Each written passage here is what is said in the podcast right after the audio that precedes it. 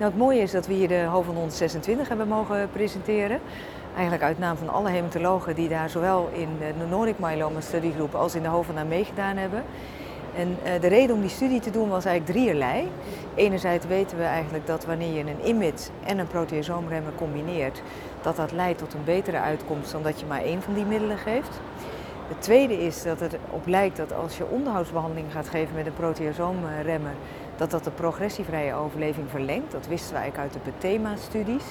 En het derde is dus dat je onderhoudsbehandeling wil geven, dan wil je eigenlijk heel graag een oraal middel geven en niet iets uh, subcutaans. Nou, dat is de reden dat we de HOVON 126 studie zijn gaan doen. Combinatie van ixazomib, thalidomide en dexamethason. Negen inductiecycli. En na die negen cycli werd bij die patiënten die een partiële respons of beter uh, hadden, vond een randomisatie plaats tussen enerzijds ixazomib, anderzijds placebo. Um, ja, wij hadden natuurlijk uh, verwacht dat er een verschil zou zijn tussen de ixazomib en de placebo-arm. Maar dat was helaas niet het geval. Laat ik nog even teruggaan naar de inductieperiode. Daar was de overall rate heel hoog met dat ITD. 80% van de mensen vertoonden een respons. Bijna 50% van de patiënten vertoonden een very good partial response of beter. Zou dus een van de redenen kunnen zijn dat die onderhoudsbehandeling niet meer van toegevoegde waarde is uh, geweest. Uh, andere redenen zouden kunnen zijn dat we nog wat langer moeten wachten. Want je ziet bij de Ixazomib-studies, zowel bij de Tourmaline M1-studie en de Tourmaline MM3-studie, dat dat wat langer op zich laten, kan laten wachten. En dit was natuurlijk een kleine gerandomiseerde fase 2-studie. Wat wel belangrijk was, wat we geleerd hebben van deze studie, is dat je tijdens onderhoudsbehandeling helemaal geen additionele toxiciteit zag van ixazomib ten opzichte van placebo. En dat is eigenlijk een hele mooie overgang naar waar ixazomib mogelijk wel een belangrijke rol gaat spelen.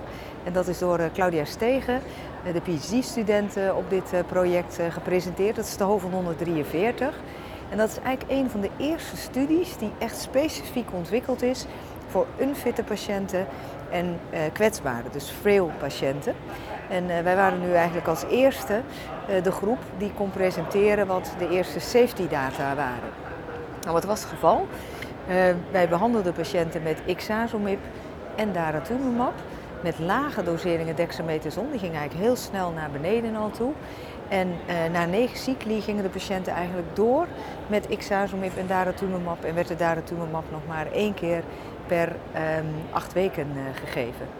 Nou, het was prachtig om te zien. En dat was de analyse van de eerste tien patiënten, unfit en frail, die vier cycli hadden doorlopen.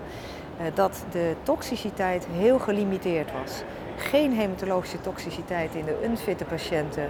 Heel goed te managen hematologische toxiciteit in de kwetsbare patiënten. En de niet-hematologische toxiciteit, infecties, toch iets waar we goed op moeten uh, letten. Cardiale toxiciteit en dan nog heterogene zaken, maar die allemaal eigenlijk ook wel manageable uh, waren. Nou, in beide groepen moest 20% van de patiënten stoppen in de eerste uh, vier cycli, waarvan aan beide kanten één die um, eigenlijk nog niet uh, aangevangen waren met de, de, therapie. Dus ook dat was uh, wel feasible.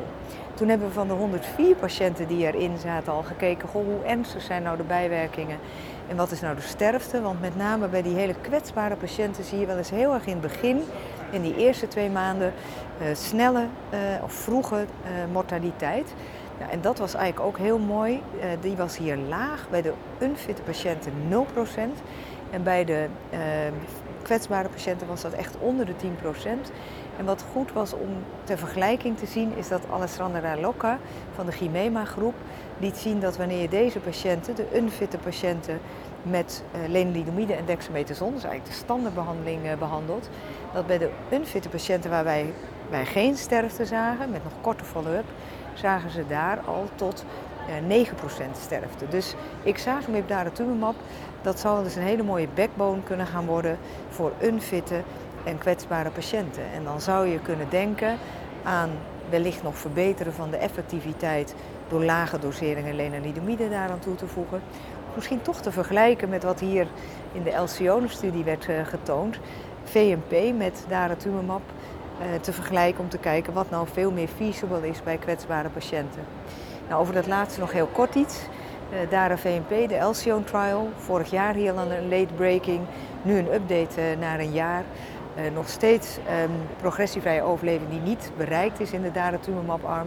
Maar belangrijk dit jaar was dat de PFS2 eigenlijk ook beter was in de daratumumab-arm dan in de standaardarm. En dat gaat zich waarschijnlijk vertalen naar echt overal survival voordeel. Nou, dat is een prachtig resultaat.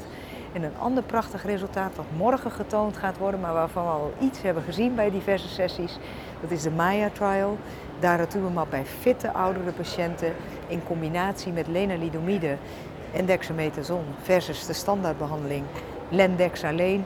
Ook dat laat zien dat de mediane progressievrije overleving absoluut nog niet bereikt is. Die wordt verwacht misschien wel meer dan 50 maanden later. Nou ja, dat zijn zaken die je eigenlijk een paar jaar geleden niet verwacht had. Dat dat zou kunnen bij oudere patiënten. Dus dat gaat morgen getoond worden. Ja, en dat gaat ook uh, het landschap echt veranderen.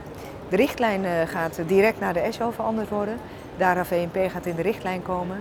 Dara Toeneman met RD zal nog wat langer op zich laten wachten. Moet eerst geregistreerd worden. Uh, kortom, voor oudere patiënten hele mooie resultaten. Niet alleen voor de fitte, ook voor de niet-fitte uh, patiënten en de kwetsbare patiënten.